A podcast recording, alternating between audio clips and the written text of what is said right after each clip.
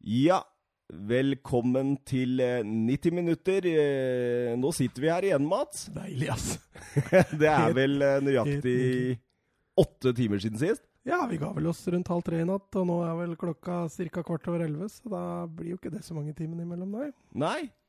Vi eh, kjører videre, fordi altså, vi, vi, vi kunne jo ikke ha Champions League og Europa League oppi alt det vi skulle snakke om i går.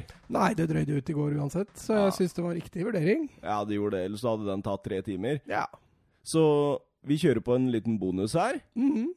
Og en liten sånn ekstra Blir ikke så lang, men en liten sånn ekstra en. ja, en liten preview inn mot uh, litt mot Europaligaen og mye mot Champions League. Ja, vi fokuserer på Champions League, men vi har litt grann om Europa League også, som spilles i kveld. Ja.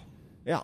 Og i, den, og i den forbindelse I den forbindelse så vil vi eh, oppfordre alle til å ta en tur innom eh, sentralpuben og se kampene der. mm. Gir alltid bedre atmosfære å se kampene ute enn uh... Ja, ja. Sentralpuben på Oslo S, annen etasje der. Nydelig. Ja, absolutt. Uh, skal vi uh, rusle litt videre i programmet, vi? vi? Vi må kjøre den introen, vet du. Ja, du må ikke glemme den. Nei, så den kjører vi. La det skje.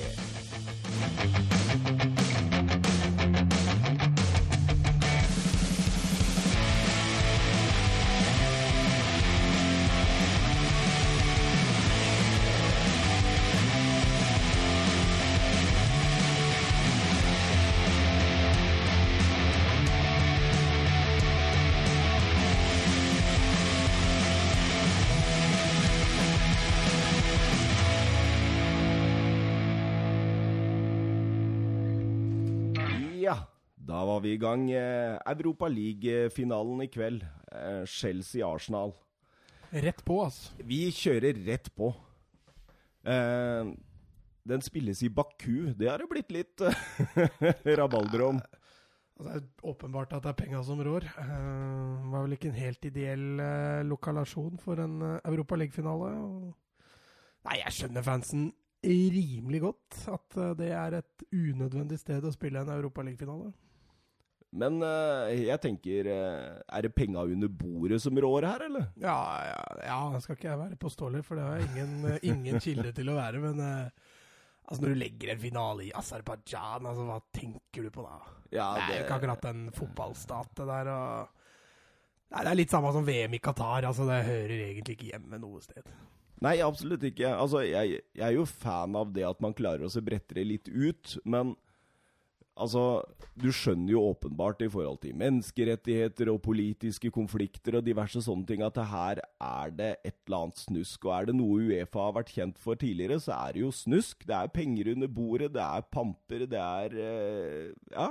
Ja, det Altså, det er mulig Aserbajdsjan har kommet over litt penger, så de får litt oppmerksomhet, men man, man legger jo ikke sånne finaler til land som Aserbajdsjan og Luxembourg og Andorra, sånne små Altså, det er eh, Andorra. Det er ikke noe, det ikke noe fotballnasjoner i, i og for seg, og jeg er enig med deg at det er hyggelig og fint at de får bretta det litt ut, og at det er flere nasjoner som får hoste sånne eventer, men eh, et sted bør vel grensa gå?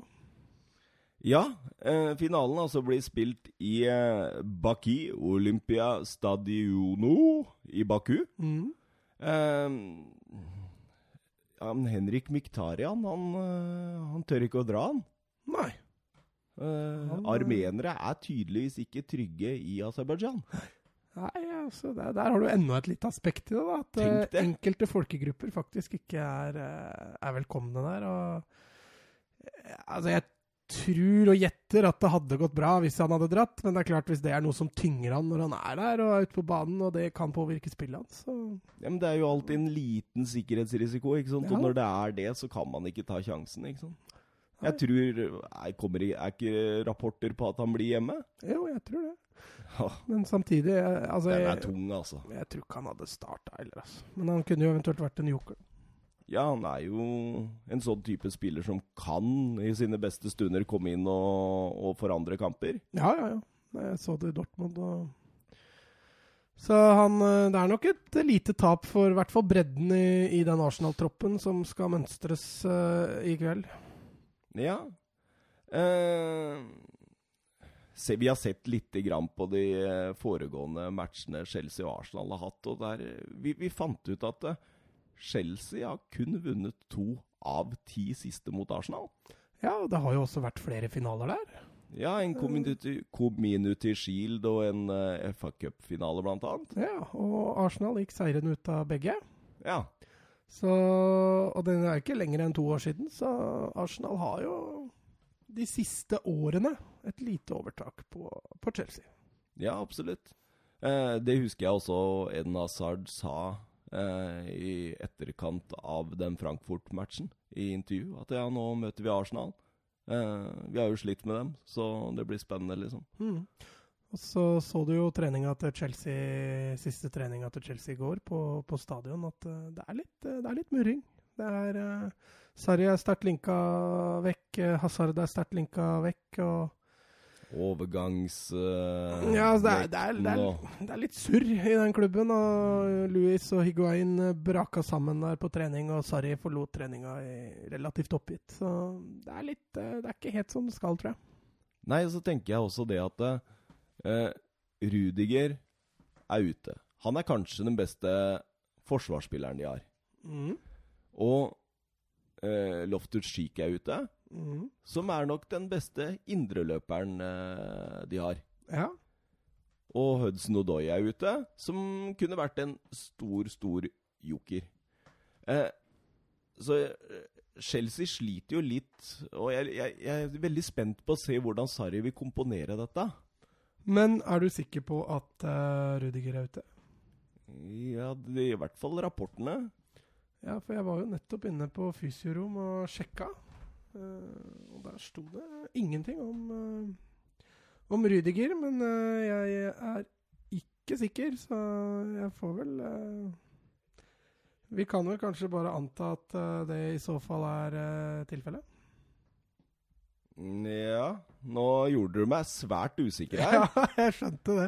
det men jeg, jeg er inne på fysiorom nå. Men hvis du tar feil nå, Mats Nei, så har nei, vi sittet nei, nei, jeg surrer. Du har helt rett. Han ligger til og med på fysiorom, så da, da ja, har du takk. helt rett. Du har helt rett. Da skylder vi alle lytterne våre ett minutt på den. Ja. vi får legge til et minutt. Eh, men eh, Så jeg, jeg tenker jo det er tre potensielle nøkkelspillere for Chelsea da, som er ute, og Kanté er også usikker. Men i min jakt nå på å finne ut om Rudiger faktisk var ute, hvem var det du nevnte som tre? Det var Loftus Cheek, Rudiger og Odoi. Ja, og så er jo Kanté usikker. Mm. Og, og, da tenker jeg det, at det her er det potensielt fire svært viktige spillere for Chelsea som er ute. Mm.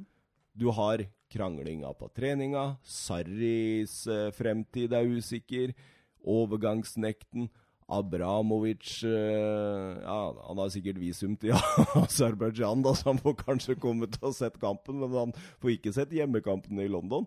Og da tenker jeg det at eh, Blir det en sånn at dette tar Arsenal, eller blir det en sånn at her slår vi voldsomt tilbake og viser at vi er Chelsea fra London, vi er et storlag? Ja, altså Chelsea har definitivt potensialet og ferdighetene til å vinne. Hazard kan jo aleine skape ganske mye trøbbel eh, mot et allerede ganske vaklende Arsenal-forsvar. Men eh, etter alt det som har skjedd de siste ukene, så, så holder jeg Arsenal som en knapp, knapp eh, favoritt. Ja, jeg eh, holder Arsenal som litt mer enn en knapp favoritt òg, faktisk.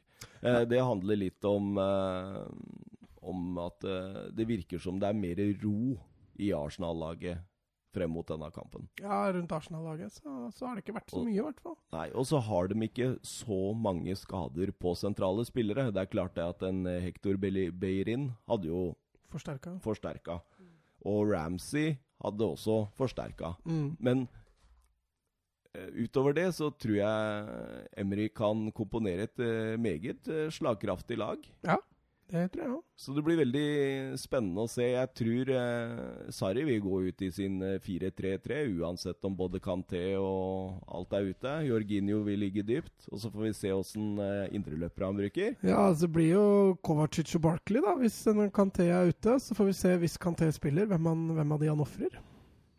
Det er, ikke, det, det er ikke noe voldsomt uh, Den indreløperen der med Kovacic og Barkley, jeg syns ikke det Altså Barkley kan jo finne på litt artige ting fremover. Kovacic er jo ikke noe sånn voldsomt uh, skapende midtbanespiller offensivt. Han er jo litt mer et sånt arbeids... Jeg syns ikke Barkley er uh, god nok offensivt, eller ja, altså. Han er jo mer målfarlig enn Kanté, i hvert fall.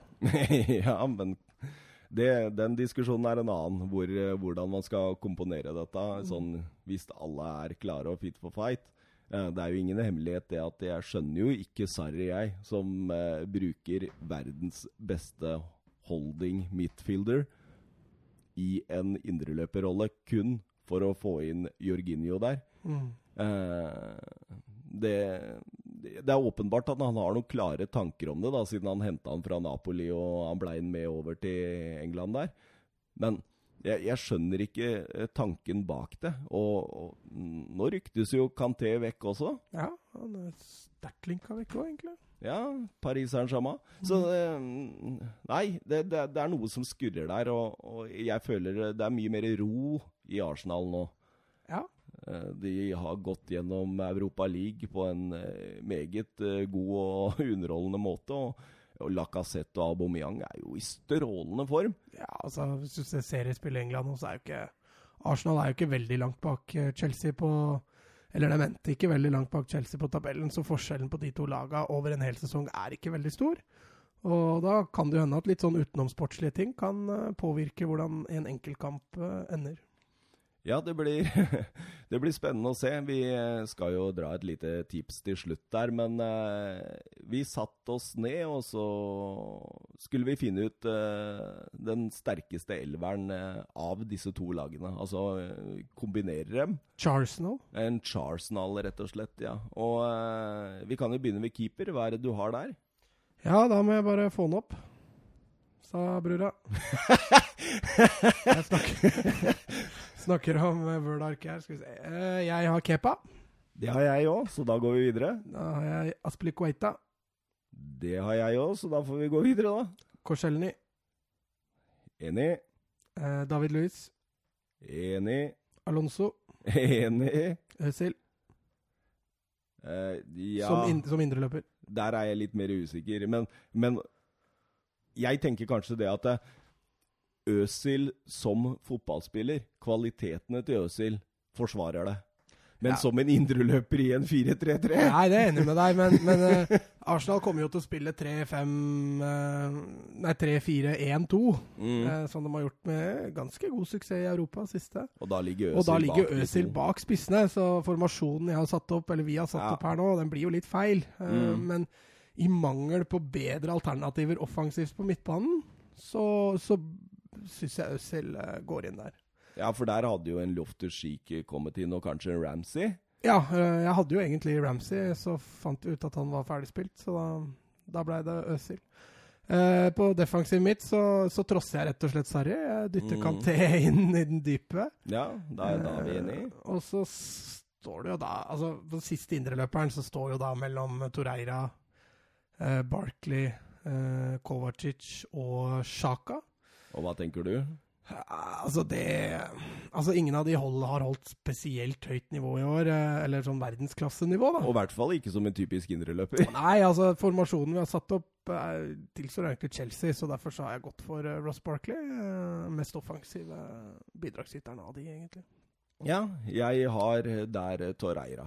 Det er ja. fordi jeg syns han er en uh, mye bedre spiller. Og det er klart at han er ikke noe typisk indreløper, men det samme gjorde vi jo med Øzil på andre sida der. Ja. Vi, så jeg, jeg, jeg, setter Torreira der. Syns han har hatt en bra sesong, uh, første sesong i Arsenal. Og uh, pro på at det kan bli bra utover også. Ja.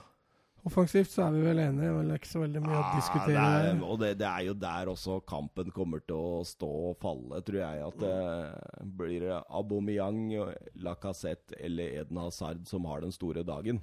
Ja, altså Chelsea kommer vel til å gå ut med Giroud som spiss, og han har jo for så vidt gjort det bra i Europa League med tanke på antall skåringer. Men uh, i Premier League og på landslaget så er han jo like målfattig som uh, Nei, han er jo ikke noe Altså, han er jo en brukbar link-up-spiller. Eden Hazard har jo sagt tidligere at jeg foretrekker å, å spille han med han. Mm, men han er jo lett. Han er så lett. Altså, han er jo en fin kombinasjonsspiller. Han er god med mann i rygg. og mm. Du kan bruke han som et oppspillspunkt, både i form av å sette opp vegger og, og, kombinasjoner, men også det å kunne løse opp spillet med å slå litt langt. Uh, men uh, når det er sagt, så Ja, for det gir mer muligheter, tenker jeg, i forhold til det å bruke en higuain, da. Ja, så kan det hende det ligger litt i korta, da. Tidligere Arsenals uh, ja, At det blir en matchvinner der. tenk det, ja. det, er liksom, det er en slags legende i Arsenal, da. Ja, det målet han hadde med hælen der, hvor han henter ballen bak seg. altså. Skorpionmålet. Ja, det var eh, Crystal Palace hjemme der. Ja, fantastisk. Ehm, jeg tror ikke vi skal si så mye om den mer, egentlig. Kampen spilles i kveld, og eh, vi skal jo se den.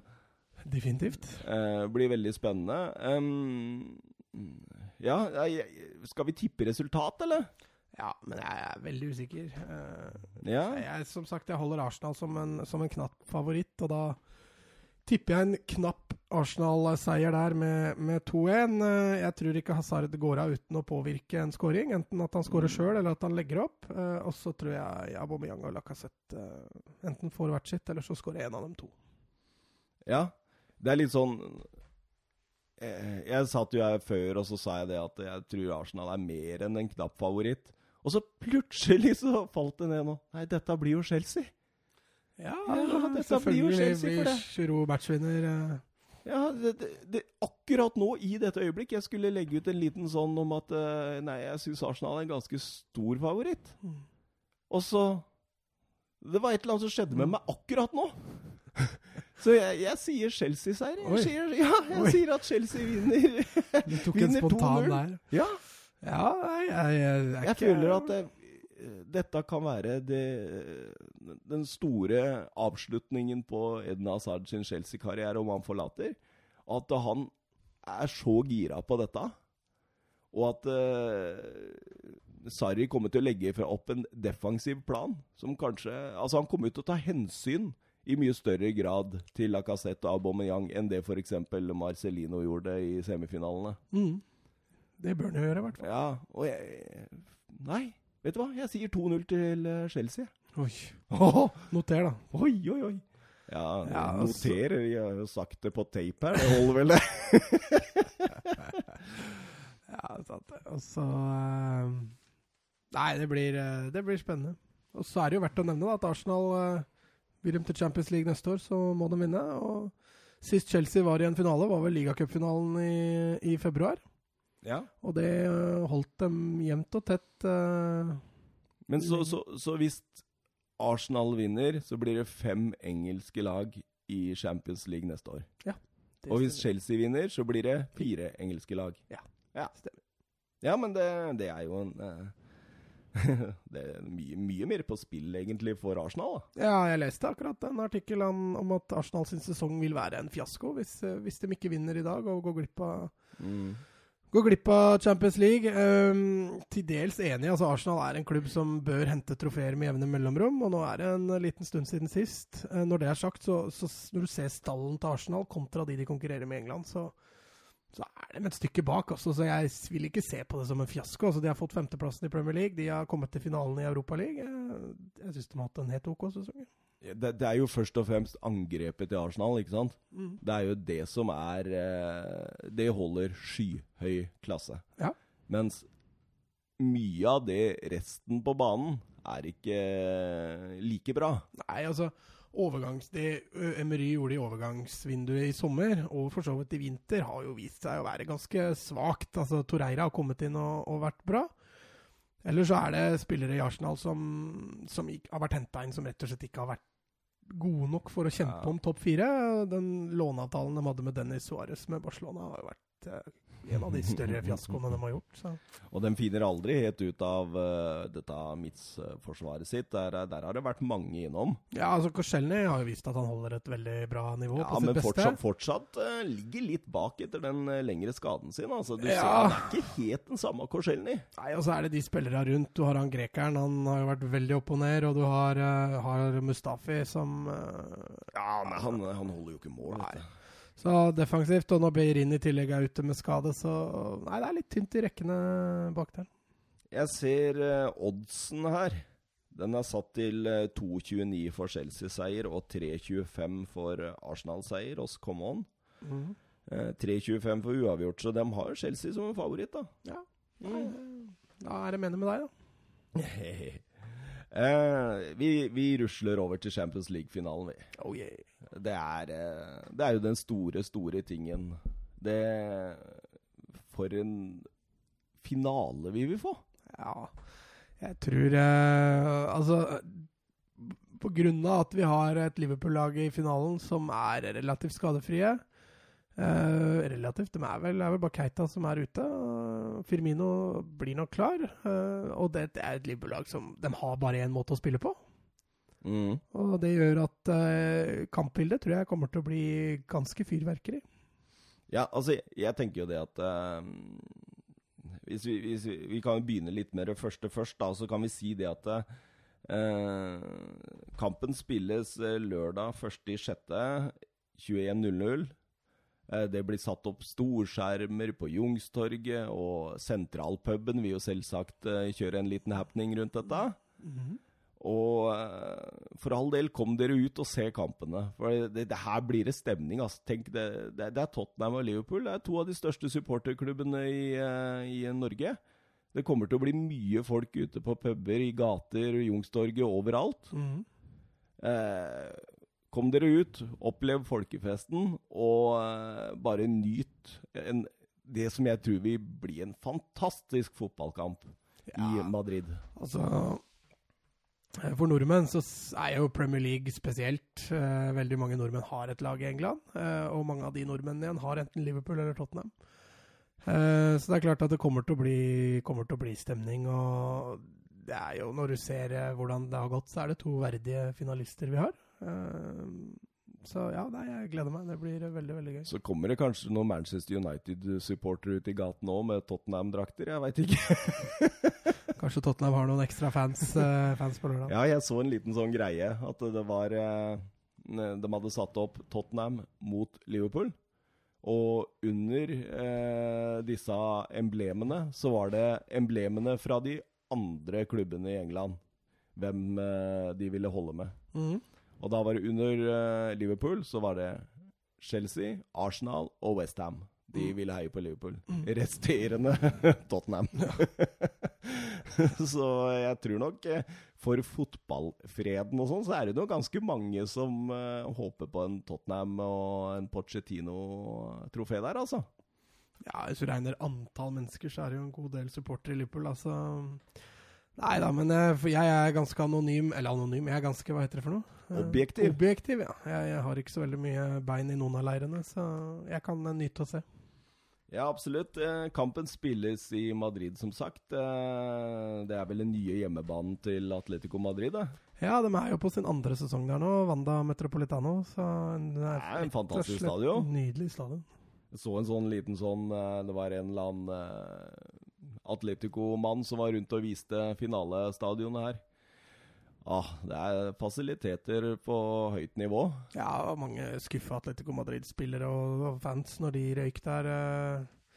De ønska jo selvfølgelig å spille på sin hjemmebane i finalen, eh, men eh, jeg tror det blir en god atmosfære og god ramme, selv om billettprisene er de dyreste noensinne. Ja, det tror jeg. Jeg har snakka med folk som har prøvd å få eh, billetter. Jeg har til og med snakka med en eh, person som eh, har vært på de sju siste Champions League-finalene. Han sa det var bare å glemme. Det har aldri vært vanskeligere å få tak i billetter. Ja, det, ja, det er forståelig. Det er to av de større supporterklubbene i, i verden som møtes. At det var litt rift om de finalebillettene, det var vel ikke noe overraskelse, det. Ja, og det blir fantastisk. Nord-London mot Nordvest-England. Dette blir eh, fjerdeplassen i Premier League mot andreplassen denne sesongen. Dette er Pochettino mot Klopp. Dette er eh, Ja, så er det jo to managere som trenger et uh, trofé. Eller trenger, altså det er to managere som ikke har et trofé i de klubbene de er. Og en av de kommer til å sitte igjen på lørdagskvelden og endelig ha klart det. Ja. Men eh, jeg hørte et intervju med Klopp.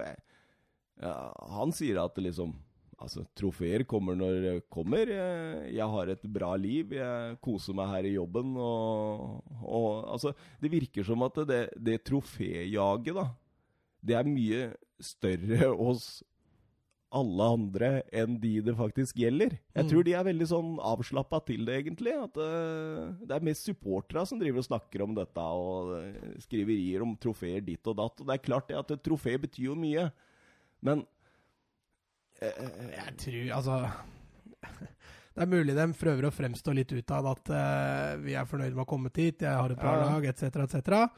Men til syvende og sist så bryr også de gutta seg der også om Ja da, trofeer. Altså, ingen av de hadde giddet dette hvis ikke det var for å, for å vinne et eller annet.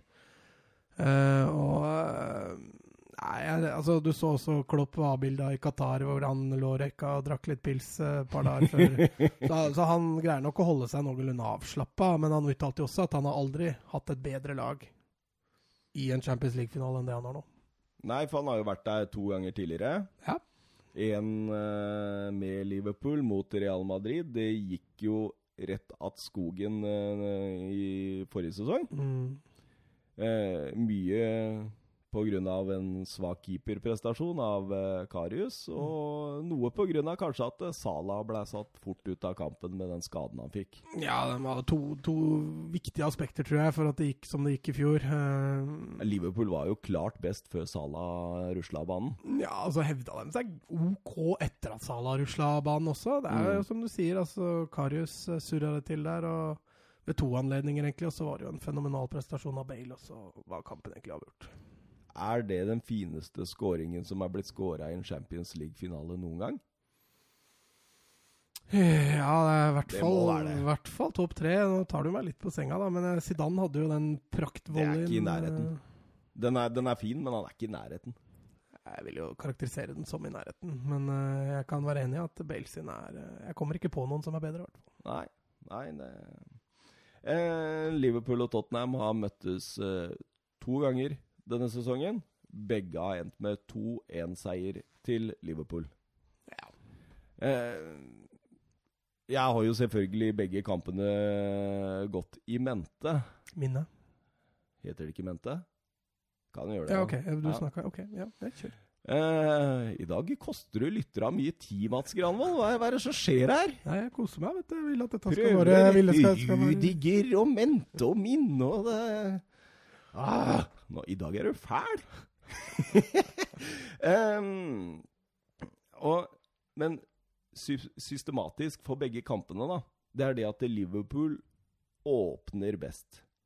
Og kjører Tottenham ganske greit i førsteomgangene.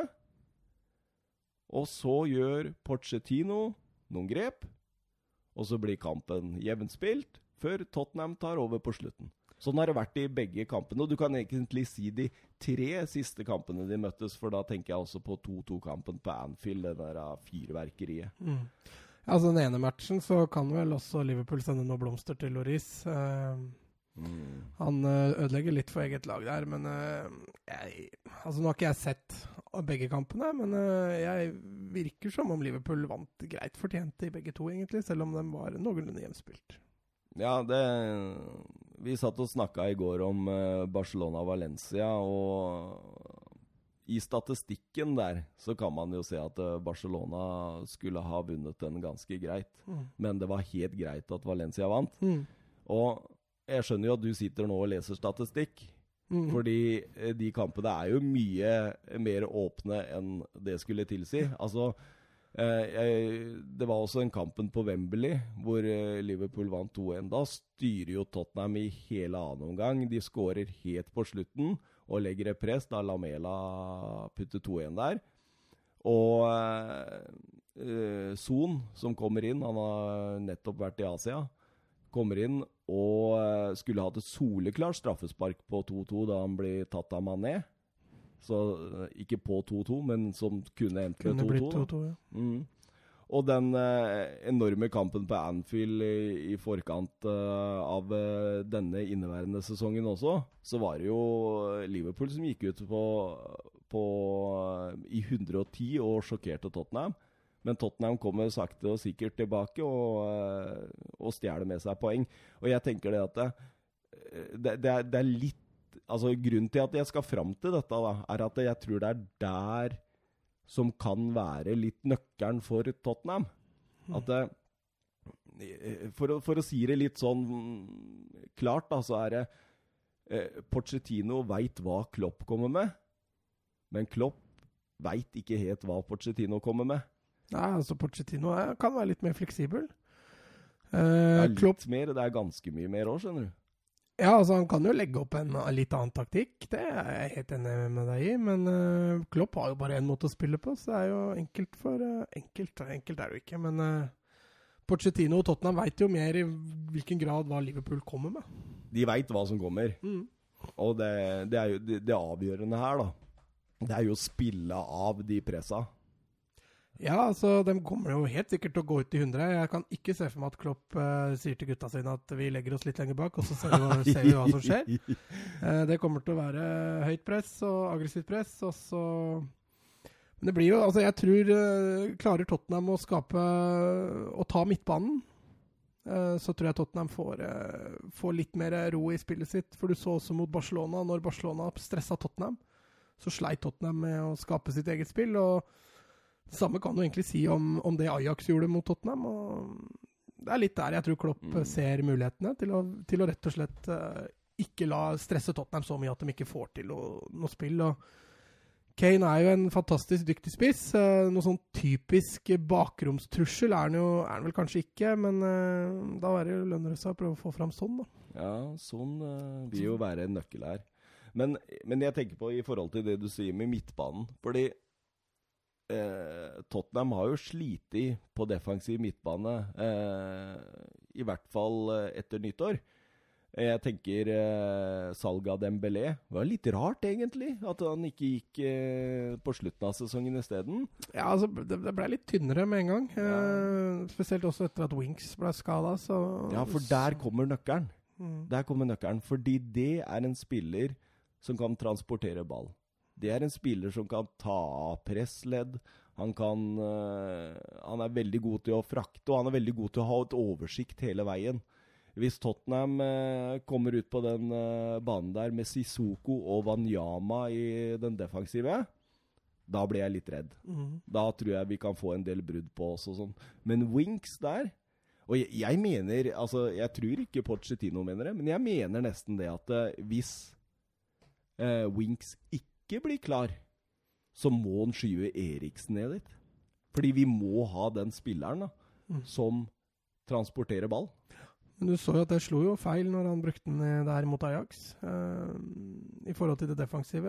Ajax kjørte jo høyt. Da Ja, lå jo Eriksen litt lavere. du på nå? Nei, mot Ajax så lå jo Eriksen litt lavere. Nei, det var jo stort sett Nei, altså- eh, Wanyama og Sissoko som Ja, nei, Nå blander jeg. Det var andre gangen mot Ajax hvor han la seg lavere. Der la han lavere, og da snudde vi jo. Mm, Stemmer det. Nå sier jeg vi, da. Mm. Men, Du- eh, du gir klart uttrykk for men, du- men i, i en sånn eh, kamp så må jeg jo få lov å være litt eh, Så får du heller være min motpol. Ja. Så skal jeg prøve å være så objektiv jeg kan. Jeg skal heie litt på Liverpool.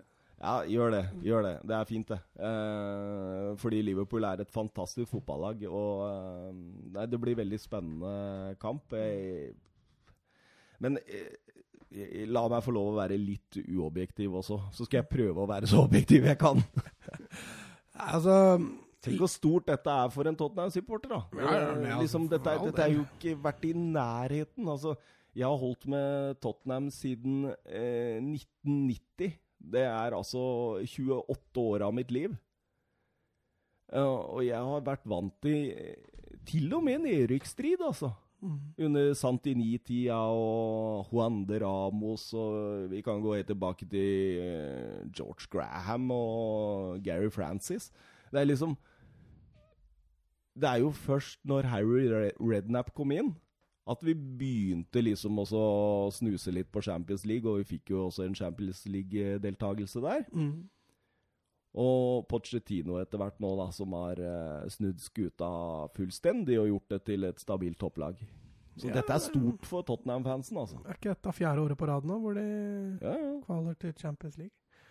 Nei, altså for all del, og som jeg sa innledningsvis, eh, jeg syns det er fortjent at Tottenham er i den eh, finalen. De har slått ut et, spesielt et City-lag som ga dem kamp etter døra, hvor de viste prov. Og ikke minst den andre omgangen borte mot Ajax, som, eh, som gjør at det er vel fortjent. Og så blir det spennende å se, da. Lucas Mora, semifinalehelten. Blir han ben- benka, eller får han, sjansen? Ja, for det, dette er jo litt morsomt, ikke sant? Fordi både Lucas Mora og Divok Origi To store heltene, på en måte, fra semifinalene. De kan bli sittende på benk, altså. Bli jokere.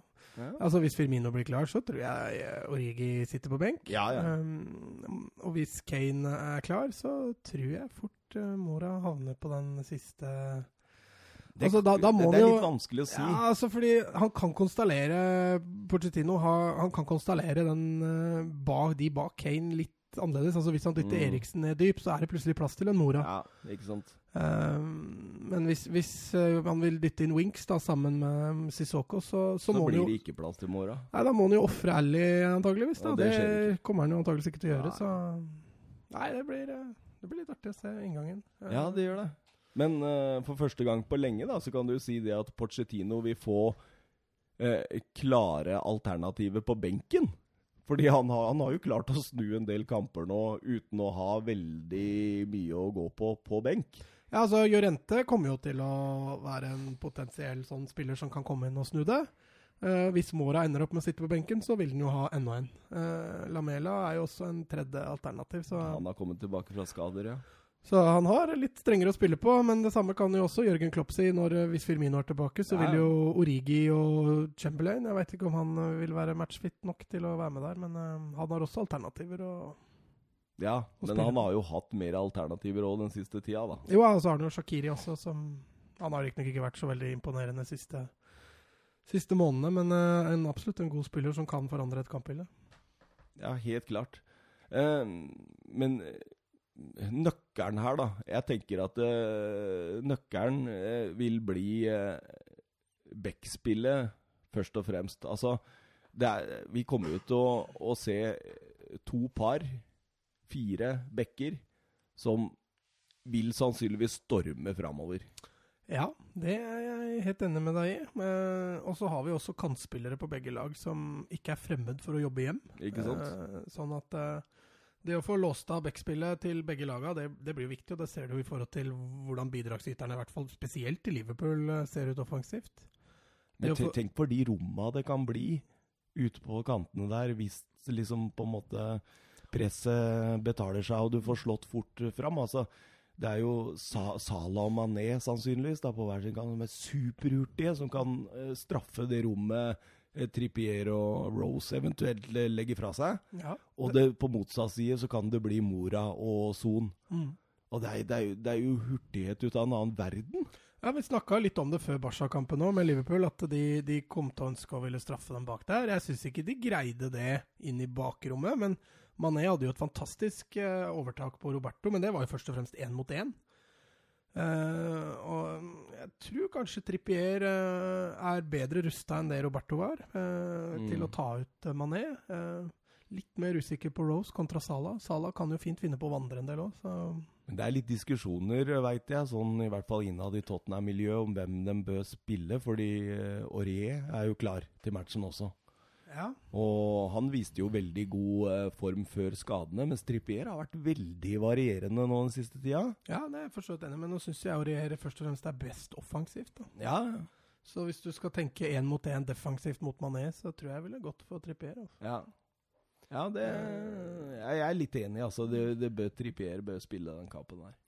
Eh, så får vi se. Firmino kommer jo til å droppe mye ned, så det betyr jo at uh, Fertongen og blir det vel Alder Firell, kanskje, som får den siste der. Altså, som uh... Ja, For er vi sikre på at Pochettino går ut i en eh, firer bak? eh, Han prøvde jo med den treeren sin mot Ajax, det funka jo ikke så bra, det. Han møter jo litt tilsvarende Ja. tilsvarende, så vi, jeg vil bli litt overraska hvis han gjør det. Mm, jeg òg. Jeg, jeg tror eh, Pochettino kommer til å, å velge en eh, 4-2-3-1. Eh, og eh, Klopp selvfølgelig i en eh, 4-3-3. Ja, altså De største altså hvis Gitt da at Firmino er skadefri, eh, så blir vel egentlig de største usikkerheten er vel egentlig på midtbanen til Liverpool, hvem som eh, går ut Ja, der. hvordan han skal konstellere Ja, den. altså ja. Hvem som starter også. Du har Henderson, du har Milner, du har Vinaldum og du har Fabinho. Det er vel de fire det står mellom, og så må en av de vrakes. Jeg er ganske sikker på at uh, Fabinho vil uh, være den balanserende. Ja. Og så er jeg ganske sikker på at uh, Vinaldum vil ta den ene. Og så blir det en Henderson eller Milner. Jeg tipper Henderson. Ja, Henderson er jo kaptein for det laget, så han har vel litt edge der. Ja, så jeg tipper at det er de tre som vil gjøre det. Og, og der ligger det også en mulighet for Tottenham, fordi Eh, de tre er jo arbeidsomme løps... Eh, Hester? Ja, rett og slett. Men, men, samtidig så vil jo Tottenham få flere inn sentralt i, på den midten. Ja, altså i utgangspunktet spiller de med tre sentrale begge, begge laga. Eh, mens Liverpool, sånn jeg ser det, har de tre klart mest løpssterke midtbanespillere. Men igjen, da, altså Sissoko dekker jo store rom og er jo fantastisk ballvinner. Eh, får de i gang Sissoko fra start i den kampen og klarer å ta litt rotta på Liverpool, eh, så, så kan det bli det interessant. Men jeg, som jeg sier Du, du veit at Eriksen er den som løper mest i Premier League, eller? Ja, ja, han løper, men altså, han er jo først og fremst en offensiv bidragsyter, vil jeg kalle Eriksen. Jo, jo, han, men, han, dekker men, også store rom defensivt. Men når du snakker om den treeren inne der, så regner jeg med det var Eriksen ja, du tenkte på. Altså, hvis det er han som spiller off midt, da. Altså, da, da har du jo Sissoko, Winks og Eriksen inne i den treeren. Mm. Det, er, det, er, ikke noe klart undertall i forhold til eh, løpskraft der, altså i forhold til Liverpool. For det, det, det er løpshester alle sammen. Altså ekstremt arbeidsomme. Mm. Og dekker store flater. Så, eh, men, men, det jeg tenker på, da, det er at, at eh, jeg tror Ally og Son, hvis det blir de to som komplementerer Eriksen der, så vil jeg tro det at de vil kunne få beskjed av Pochettino og så trekke innover mm. når Liverpool har ballen. Og dermed blir det et overtall på den midtbanen. Ja, men Ali har jo spilt altså Jeg vil ikke si han har spilt fri rolle, men uh, ja, han, han, han, altså. han, spiller litt sånn overalt innimellom. Ja. Og det er klart, hvis han trekker mye inn, så vil de jo skape litt overtall. Uh, altså, tar den Basha-matchen, da, uh, som jeg har friskest i minne, så så syns jeg den midtbanen til Liverpool der legger ned eh, altså så mange meter og så mye trøkk og, og, Altså den kapasiteten de har, viser i den kampen der eh, Ja, nei, Vi får se. Nå møter de i hvert fall ikke et lag som Barcelona. da. Eh, Tottenham er jo for så vidt litt Disse lagene kjenner hverandre godt, altså. Ja, de er jo godt kjent. Bedre ja. enn det de kjente mot Barcelona, i hvert fall. Men eh, ja, nei, vi får se. Altså, Både Pochettino og Klopp er jo også veldig flinke til å gjøre justeringer. Dette, dette blir jo et sjakkspill, ikke sant? At uh, kampen starter, og så er det en av dem som finner ut at jeg gjør det litt annerledes. Og så vil han få et motsvar ganske fort. Og sånn vil jo det. Det, det vil jo bli et sjakkspill. Dette av to av verdens klart beste managere. Mm. Så ekstremt spent på denne kampen. Altså. Det, det, det kan gå alle veier. Og det kan, og det kan ja, altså, jeg, jeg, blir litt overraska hvis ett av lagene stikker ifra. Altså At det blir 1-2-3-0 i løpet av første omgang. I så da, fall blir det Liverpool. Jeg tror ikke Tottenham stikker av. Ja, altså Liverpool har potensialet til å gjøre det, ja. Um, ja, nei, jeg tror, jeg tror, det blir en tight match. Det gjør nok det.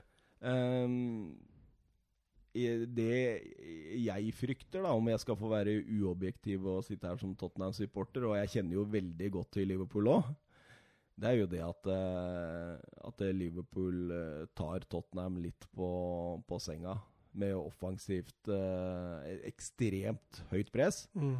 som gjør at Fordi Tottenham viker ikke noe særlig på dette å spille ut bakfra. De skal spille ut bakfra. Ja, det var jo litt ja. uh... og, og, og, hvis det går gærent Nå har de jo gode ballspillere der, da. Fertongen er jo, er jo kanskje den, den, stopperen i Premier League med best teknikk av alle. Eh, gode pasningsferdigheter. Fertongen er jo bra med ball. Eh, Loris er litt sånn halvveis med ball, og det samme kan du egentlig si om bekkene. Så jeg, jeg, tror liksom det at det, det, jeg frykter mest, da, er at det ekstreme presset til Liverpool der kan skape en panikk. Og at uh, man rett og slett ikke klarer å spille seg ut bakfra. At man begynner å pole langt og få ballen tilbake igjen med en gang. Og, og da tror jeg Da blir det litt samme kamp kampbilde som mot Barcelona. da. Ja, ikke sant. Og da tror jeg det fort kan uh, bli uh, en ganske grei skuring til Liverpool. Men hvis Tottenham klarer å spille av det presset, så vil jo Tottenham også, med den kontringsstyrken de har i laget Da, ikke da kommer Eriksen, da kommer eh, Sissoko. Da kommer Son og eventuelt Mora Ali og, og støtter opp om Kane, som faktisk har sagt 'jeg er klar til kampen, jeg stiller'. Men, men syns du han bør spille? Ja. Ja, Hver vært, dag i uken. Han har vært lenge borte nå, da. Ja, det spiller ingen rolle. Han, han var jo like lenge borte mm, Han hadde jo samme skade i inneværende sesong. Mm. Og eh, han kom tilbake fra den med fire mål på fem matcher. Mm. Han skårte i den første. Så Altså, det er jo siste kampen for sesongen, så det er jo ikke noe å spare sånn sett. Men vi, vi, eh, vi snakker Harry Kane her. Vi snakker en ultraprofesjonell angrepsspiller. En angrepsspiller som ikke Det er ikke noe til tilfeldighetene, ikke sant? Mm. Han er det, en av de best trente spillere i Premier League. Altså eh, Pochettino har jo sagt det at eh, hvis laget går ut og feirer med en god middag og et par glass vin, så drar Kane tilbake til bikkjene sine og løper ned med dem eh, i parken, liksom.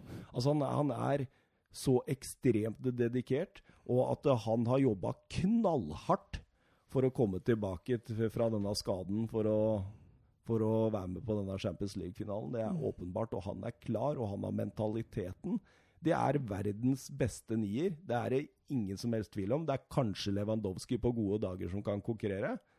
Og han har en sånn påvirkning i laget som gjør at eh, de andre føler seg litt tryggere når han er der. ja, altså Rammene som du sier rundt, er jeg selvfølgelig helt enig med deg. Det å få spissen sin inn, det å få, det å få visekapteinen sin tilbake på laget, det, altså det viser jo litt utad også. Uh, gutta på laget vil jo føle seg litt ekstra når, eh, når du får tilbake toppskåreren din og sånne ting. Det, det, det er jeg helt enig med deg i. Det var litt mer i fysikken, kampformen og Ja. sånne ting jeg eh, tenkte Men, men det, det holder i 90 minutter eller 120, altså. 90 minutter. ja, for tror du det blir 120, eller? Nei, jeg tror ikke det. Du tror det blir avgjort etter Jeg, jeg tror det blir avgjort etter uh... Eh, I, I så fall hvis, så tror jeg Tottenham tar ledelsen. mm, Hvis Tottenham tar ledelsen, da kan det gå til ekstraomganger. ja. Uh, for hvis, hvis Liverpool tar ledelsen og Tottenham må begynne å jage framover, så tror jeg fort Da Liverpool Ja, da tror jeg Liverpool kan få flere mål. Uh, men hvis Tottenham tar ledelsen og så skal begynne å forsvare seg etter hvert, og sånne ting, så, så tror jeg Liverpool kan få en utligning, og da kan det jo bli ekstraomganger. ja. Uff a meg. Å, for en finale. For eh, Nei, det, det blir helt fantastisk. Eh, Vi har satt opp en liten sånn også. Vi var eh, En liten sånn Liverpool-Tottenham-elver. Liver. Liverham? Liver, Liverham. Eller Tottenpool? Og Tottenpool likte jeg. Mm, og jeg har jo prøvd å sitte der med så objektive øyne som mulig.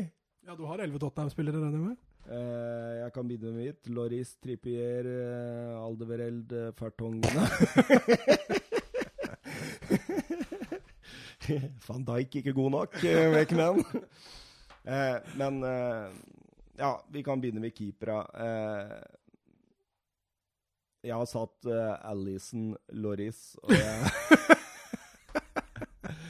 Fordi jeg syns Joris er en uh, fantastisk god keeper. En uh, undervurdert keeper. Han vant uh, VM med, med Frankrike. Han var kapteinen der. Han eh, oser en trygghet og en autoritet bak der som, som smitter over. Da. Det, han har gjort sine tabber, men hvem har ikke det? Det gjør eh, alle. Det gjør DGA, det gjør Noyer, det gjør Alison. Eh, så, så det var tett, men jeg går for Alison. Jeg gjør det. Ja, Ja. enig. Eh, så- Jeg velger jo Alison fordi han er, jeg føler han er litt bedre med ballen i beina. Ja, Eh, jeg det er fint å jeg, si det.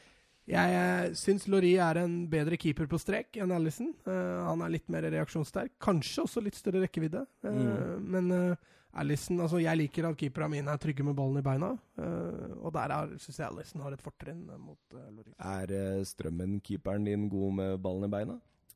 Eh, ja, helt grei. eh, høyrebekken har jeg Trent Alexander Arnold. Eh, For en sesong han har hatt.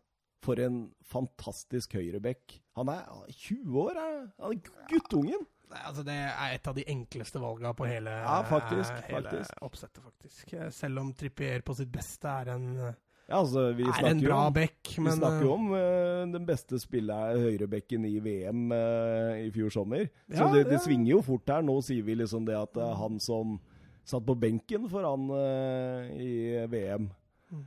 eh, er det, det enkleste valget av de alle. Og da snakker vi om at vi har Sala og sånt i ettertid. Men det, er jeg helt enig med deg. Trent Alexander Arnold. Jeg har blitt så imponert over han i år. mm.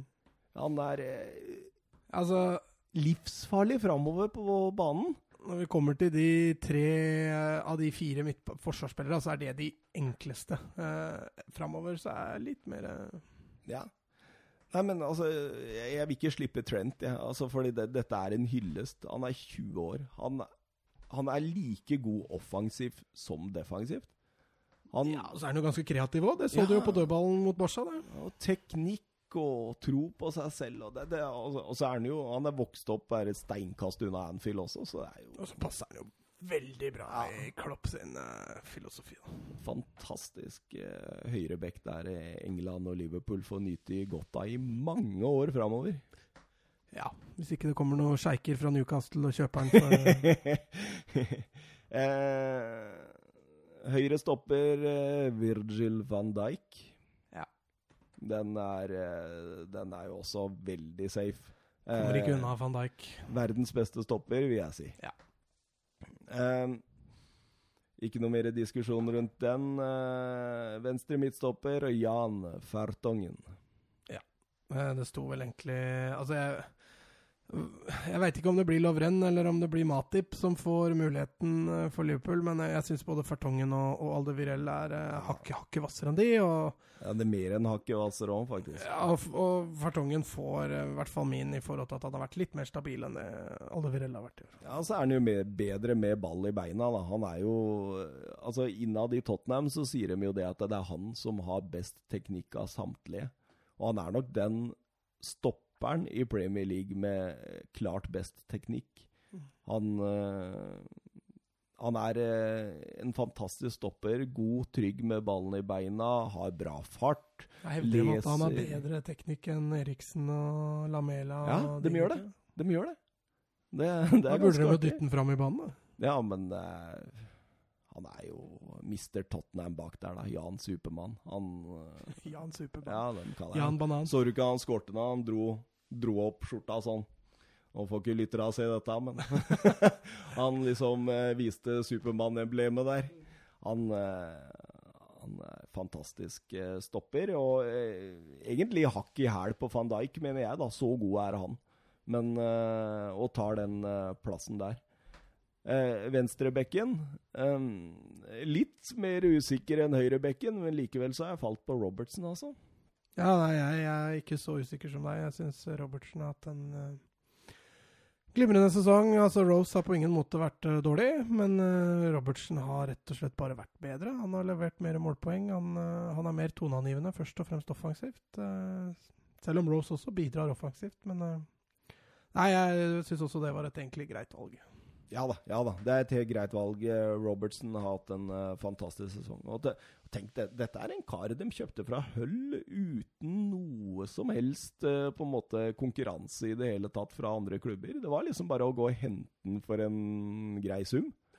Ja, og igjen eh, genialt trekk av Klopp, som Ja. fikk venstrebekken sin og holder en egentlig en ganske bra bekk som Alberto Moreno ut av laget.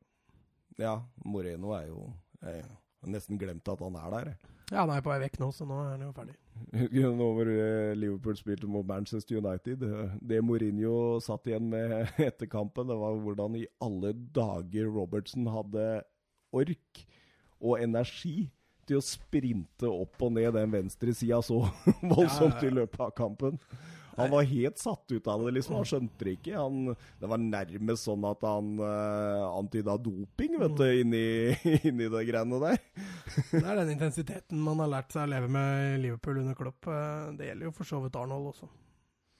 Er Liverpool uh, har han utvikla enda mer det han hadde i Borussia Dortmund i Liverpool? Eh, ja, altså, det er ikke, det er ikke, det er ikke den helt samme stilen han har nå, men, men, det er jo mye av det samme. Grunntankene er jo veldig like. Ja, ikke sant? Det er det jeg tenker på. Han hadde blitt enda mer sylskarp, da. Enda ja. mer definert i hvordan man skal spille til enhver tid. Men du ser jo likhetene i Ja, altså Du husker jo i Dortmund hvor han hadde Pitchek og, og Schmelzer på hver sin side der, og de De altså, var det samme bekker Ja, det var jo liksom litt det samme. Mm. Det var offensive bekker. og han kjørte jo samme formasjon på midten også, hvor han hadde Kagawa bak, mm. eh, eh bak spissene. Men i Liverpool så har han jo blitt mer enn 4-3-3-formasjon. Mm. Eh, med litt mer typiske indreløpere. Mens i, i, Dortmund så hadde han jo to sittende midtbanespillere og en offensiv. Men, men tanken er jo lik. Hurtig angrep, høye gjenvinninger. Mm. Eh, ja, mye kombinasjonsspill når du bryter gjennom. Og så satte vi opp dette laget i en 4-3-3. Eh, eh, vi, vi, sa i stad at eh, det favoriserte Eh, Chelsea, var det det vi sa? Ja, i forhold til 4-3-3 Chelsea spiller jo ikke finalen, da, men uh, det Nei, men når vi Å oh, ja, i Europaligaen. Hva er det som skjer med deg i dag, da? jeg hørte ikke at du sa Europaligaen. men i stad så favoriserte jo det Chelsea. Og det, det, favoriserer jo litt Liverpool i dag, men vi må kjøre det i forhold til å få alle brikkene på plass. Altså, Jeg ser jo nå at det går jo an å kjøre, kjøre 4-2-3-1, men da blir det til å sette en av de offensive midtbanespillerne ned som indreløper, eller som sittende. Mm. Så da foretrakk i hvert fall jeg å sette opp i 4-3-3. Ja, men det er helt greit, det. Og hvem er det du har på sittende midtbane? Der har jeg Sizoko. Ja? Eh, kanskje ikke den mest atypiske sittende midtbanespiller, i og med at han bidrar jo en del offensivt i, i Tottenham, men han, han, får den sittende rollen for det defensive bidraget han gir. Han er eh, veldig god én mot én defensivt. Dekker store flater, eh, er også en god igangsetter og kan også ta med seg ballen gjennom ledd. Og har jo hatt en fantastisk sesong. Ja, ja, For et comeback! Det, det, det var tidenes flopp. Det var den dyreste spilleren Tottenham har henta gjennom historien. Og han fikk det jo virkelig ikke til. Og alle hadde gitt den opp, utenom Pochettino. Ja, altså jeg så jo den Ajax-kampen, og hvordan Tottenham forandra seg ganske mye idet han kom inn. Ja, ja. Han er viktig som bare det. Og jeg, altså, jeg sammenligner da egentlig med Fabinho. Det er vel kanskje den mest naturlige. Og det at Sissoko kan bidra litt mer offensivt enn det Fabinho gjør, gjør at jeg velger eh, Sissoko. Ja, og jeg eh, for min del velger Fabinho. Men det, det, det, gjør jeg fordi eh, det er litt som Alexander Arnold. At jeg føler liksom at du kan ikke komme utenom pga. den sesongen han har hatt. Han var, han var jo knapt nå deltakende før jul. Eh, trengte tid eh, til å spille seg inn i systemet til Klopp. Og det var jo til og med noen som også antyda at han var en flopp ved juletider. At dette her eh, Det var ny Bakayoko, liksom, fra Monaco. Men Eh, for en uh, andre halvdel av sesongen han har hatt. Og jeg, jeg, mener jo han er mye av bærebjelken i det som skjer i Liverpools midtbane. At uh, eh, av han så kan man spille såpass jeg, jeg, vil kalle det såpass trauste typer som Henderson og Milner og, og uh, Vinaldum. Mm. Han, uh, hvis ikke jeg husker helt feil, så blei han kjøpt inn som venstreback ja, i Real, Real Madrid. Ja, ja, uh, og var ikke god nok for førstelaget, så han ble satt på B-laget til Real Madrid. Spilte der en sesong før han ble leid ut til Monaco. Mm. Hvor Jardin gjorde han om til en dyp midtbanespiller. og etter det så har det jo gått veldig greit for han. Det, hadde Real Madrid sett det, så hadde han vært der nå, kanskje? Ja, de har jo ikke flust der. Men øh, nei, også på indreløperne så jeg har gått for igjen å prioritere det offensive, så jeg kjører Tottenham der også, med Eriksen og Ally. Der er vi helt enige. Jeg, og de, den er også klar for meg. At uh, Altså, Jeg vurderte både Vinaldum og Henderson, men uh, Ja, for Vinaldum har hatt en bra sesong. Ja, At du absolutt. vurderer Henderson, syns jeg er i Det er jo jeg, jeg, helt bak senga, bak målet, bak stolpene og bak overalt. Fordi han har ingenting på et sånt lag å gjøre. Han, uh, Han er jo inn og ut av Liverpool, og så skal du dra en haug av gode midtbanespillere fra Tottenham inn, og så skal du likevel velge han? Nei, det, det er jeg ikke med på, ass. Jeg husker den Barca-kampen litt for godt. Ja, det tror jeg, ass. det kan glemmes for den kampen han For der var han god. Der var han enorm. Ja, ja, der var han god. Og, Og, hvis, hvis han får starte på lørdag nå, så tror jeg altså, Jeg tror han er litt sånn lagd for sånne type kamper. da, hvor, han, hvor det forventes litt av han, hvor han må trøkke til, hvor han må løpe litt mer enn alle andre. Hvor han må gå litt foran. da. Ja, ja. Eh, Får vi se av kampbildet litt hvordan det blir, da. Men eh, nei, jeg tror Henderson kan få en strålende kamp på, på lørdag. Men jeg valgte valgt Eriksen Alley rett og slett fordi det er bedre ballspillere og større bidragsyter offensivt. Ja, og der er jeg enig med deg. Det blir Fabinho, Alley og Eriksen for meg, og så blir det da Sissoko, Alley og Eriksen for deg. Fremme Vi er vel ikke uenige der heller. Det går vel ikke an. Nei, det er helt riktig. Jeg har Sala, Salah, Firmino og Mané. Ja, du har det? Nei, da. jeg hå- jeg hå- jeg håpa det. Nei, jeg har Salah, Kane og Mané. Ja, og det er det mest safe vi har satt opp i hele dag, vil jeg tro. Ja, eh, men det betyr jo det faktisk at du bare har fire Tottenham-spillere på laget ditt. Da. Mm, ja. Så du har mest trua på at Liverpool gjør det best? eh. Nei, men altså, altså dette, dette er spiller for spiller. Kvalitetsmessig spiller for spiller. Ja, men da er du jo Sier ja, men du jo altså, det, her, det er jo mange ting som går, kommer inn her. Det handler om uh, taktikker, uh, kampplaner uh, Hvem kommer best ut? Det er, det er så mange, altså. Ja, men Hvis du ser laget spiller for spiller, da, Så syns jeg Liverpool er bedre enn Tottenham. mener du ja. det at Liverpool har et litt bedre materiale enn Tottenham? ja, ja, ja, ja, men det, det er ikke til å stikke under stol, det mener jeg. Det ser du på tabellen nå. Ja, ja. Mm. Så det, altså, jeg kan sitte her som en eh, trofast Tottenham-supporter og si at Liverpool har et bedre lag på papir enn Tottenham. Men uh, det er jo ikke dermed sagt at de vinner. Du veit ikke. Altså, jeg tror, jeg tror ikke man skal undervurdere Porcetino nå.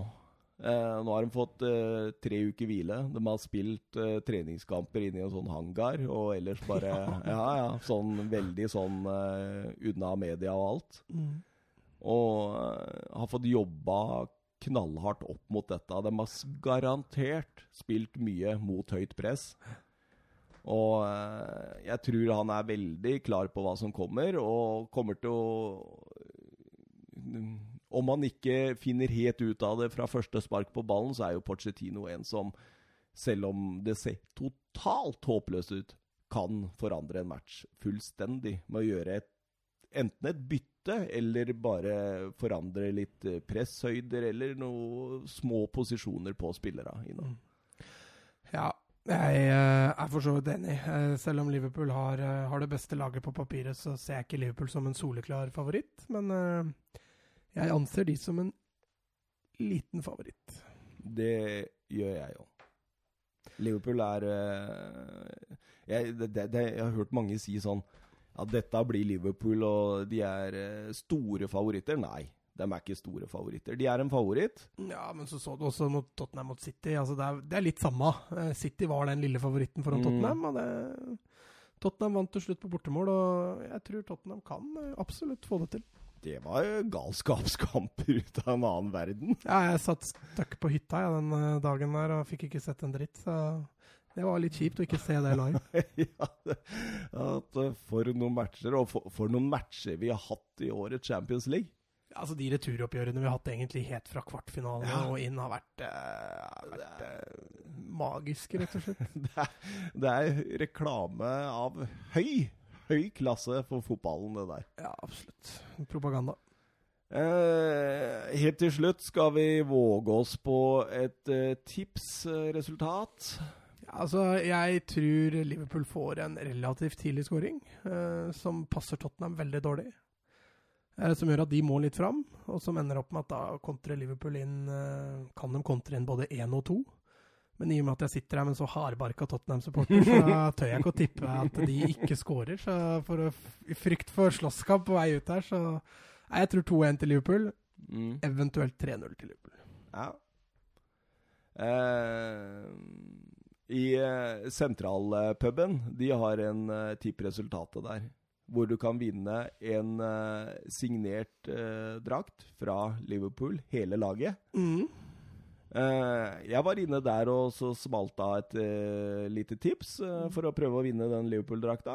Tippa Vil- du med hjertet eller med hjernen? Jeg tippa med hjertet, Mm. og jeg tippa 2-1 til eh, Tottenham. Ja. Eh, samboeren min, eh, jeg fikk jo hun til å bli med på den eh, konkurransen òg, så sa jeg det at jeg tipper 1-1.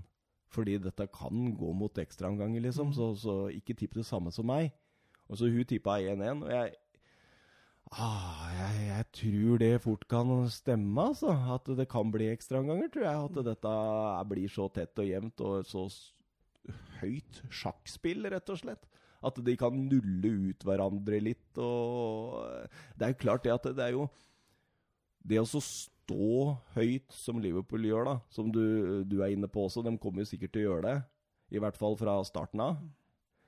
um, det innebærer en risiko hvis du har spillere på andre siden som Hoeng Min Son, som Lucas Mora, som Christian Eriksen, som kan ta disse kontringene fullt ut. Og, og, og Tottenham er jo ekstremt god på overganger også. Ehm, definitivt. Så hvor, hvor, hvor tøft tror du Klopp tør å gå? Jo, men så er det litt annet der. Altså, du sier at det blir et sjakkspill. Altså, ja, Pochettino har noen strenger å spille på og kan justere seg litt. Eh, Klopp kommer jo ikke, tror jeg, til å gjøre voldsomt store forandringer Nei, men det er underveis i kampen. pre. Jo, altså han kan gjøre plassbytter, og han kan Mm. justere presset. Det er vel kanskje de to eh, hva skal jeg si, tingene han kan gjø- finne på å gjøre, da. Eventuelt bytter, selvfølgelig. Jeg tror ikke han kommer til å bytte formasjon, eh, gjøre store taktiske endringer Nei, er underveis i kampen eller før i kampen. Der tror jeg Pochettino har litt flere strenger å spille på. Eh, men samtidig så har jo Liverpool da en mye tydeligere filosofi da, enn det Mm. Tottenham har, og sånn sett er jo mer kjent med sin egen filosofi. Klarere relasjoner. Ja, Ja, det, det er ikke det tror jeg nok, og derfor så innebærer jo litt tipset mitt at, eh, at Liverpool får den første skåringa. Hvis den første skåringa skulle utebli, og det blir 0-0 til pause, og tida begynner å gå, så, så øker jo sjansene til Tottenham Ja. egentlig for hvert For det, minutt. det gjør det faktisk. Det er jo, jo, jo lengre ut i kampen det da går, uten at Liverpool tar ledelsen, Mm. så øker jo sjansen til Tottenham hele veien. Ja, og så, litt sånn også med tanke på hvordan kampbildet kan gå. da, altså Hvis Tottenham begynner å slite, Liverpool har fått en skåring, kanskje de har fått to skåringer, så har Pochettino Jorente, han har Lucas Mora, som kan komme inn og forandre Mm. et kampbilde. Hvis du ser benken til Liverpool, da, som har Shakiri og som har Origi, kanskje først og fremst, så Mm. er det litt Altså Formino skiller seg litt ut, men de er litt like typer som han Mm. allerede har. Og vil dermed kunne slite litt med å forandre et kampbilde. Så jeg tror Liverpool er ganske avhengig av å lykkes eh, tidlig. Og hvis Liverpool lykkes tidlig, så kommer Jorente inn. Eh, Ja, altså Hvis Tottenham ligger under når det gjenstår eh, 25 minutter med ett mål, så kommer Jorente inn. Og hvis de ligger under med mer, så kan han fort komme inn tidligere. Så det er litt morsomt, da. Eh, Helten fra Manchester City-kampen i kvartfinalen sitter på benken. Og helten fra Ajax-semifinalen kan sitte på benken. Er litt sånn Men det, det sier litt om, om mulighetene han har òg, da. For Mm. å, for å Ja, altså Helten fra. Barca-kampen hos Liverpool sitter jo på benken. Så det er jo som du sa innledningsvis, at det er liksom skjebnens kamp eh, Ja, er for, det. for er et par av dem. Det blir veldig spennende. Eh, jeg tror eh, jeg eh, tipper som en samboer, så tipper jeg 1-1. Jeg klarer ikke helt å tippe Liverpool, selv om jeg tror kanskje mest på Liverpool. Men jeg, liksom tipset mitt blir 1-1, fordi da og ekstraomganger, og at Tottenham Ja, altså- tar det i ekstraomgangene. Altså, når du har et favorittlag i en finale, og så er du litt underdog, så skjønner jeg det å tippe resultat. Og sånn. det er ikke lett, altså, for du, har lyst til å tippe med hjertet, samtidig så forteller hjernen din at du, nå, Ja, nå må du bremse litt. jeg har stor, stor respekt for Liverpool og det de har gjort. Og, og vil nest, og så, Altså, du- altså, For meg så er det fortsatt bare stort å være der vi er, da. Ja, men altså, altså, du unner jo egentlig begge laga å vinne dette. Ja, faktisk. Eh, samtidig så føler man jo ekstra med Liverpool, som mista dette Premier League-gullet helt, helt, helt på tampen. Men, Ja, og eh, tapte Champions League-finalen i fjor, og det har vært veldig mye nesten nå. ja, så Mm. nei, vi får se. Utrolig spennende og gøy, og kult blir det uansett. Lykke til, sier jeg til alle Tottenham- og Liverpool-supportere. Det å, måtte kampen bli et fyrverkeri. Ja, det er jeg i hvert fall helt enig i. Skal vi avslutte med det, eller? Ja, Blei det en time, eller? Ja, en time og åtte minutter. Ja, perfekt. Ja. Vi eh, kommer selvfølgelig tilbake med en sending etter eh, Europaliga-finalen og Champions League-finalen. Vi tar de to som eh, hovedkamper. Ja, det blir vel mandag-tirsdag neste uke. tenker jeg. Ja, mandag eller tirsdag. Ja. Og så blir det vel eh, Tror du vi får til konkurransen før, før den tid, eller? Ja, jeg tror, jeg tror kanskje vi lanserer den konkurransen Vi starter på den i episoden som eh, omhandler Champions League-finalen. ja. Ja. God Jeg tror det. God plan. Mm. Eh, da gjenstår det bare å si eh, takk for oss. Takk for at du eh, hørte på oss. Og del og lik og Kommenter. kommenter og Send inn spørsmål. Ja, Det var gøy. Ja, ja, det var, det var veldig gøy. Vi kunne jo tatt noen flere da enn det vi gjorde, men vi ble veldig opphengt i den ene. For jeg, jeg syns han, han kom fra Twitter, og han hadde veldig mange gode spørsmål. Mm. Eh, særlig retta mot deg, da, som er en Barca-mann eh, ut av en annen verden. Eh, bare fortsett med det. Veldig, veldig hyggelig, og hyggelig at dere hørte på. Eh, kos dere med Champions League-finalen, og er du i Oslo, så gjerne besøk Sentralpuben på Oslo S for å se den. Adjø, adjø. Adjø.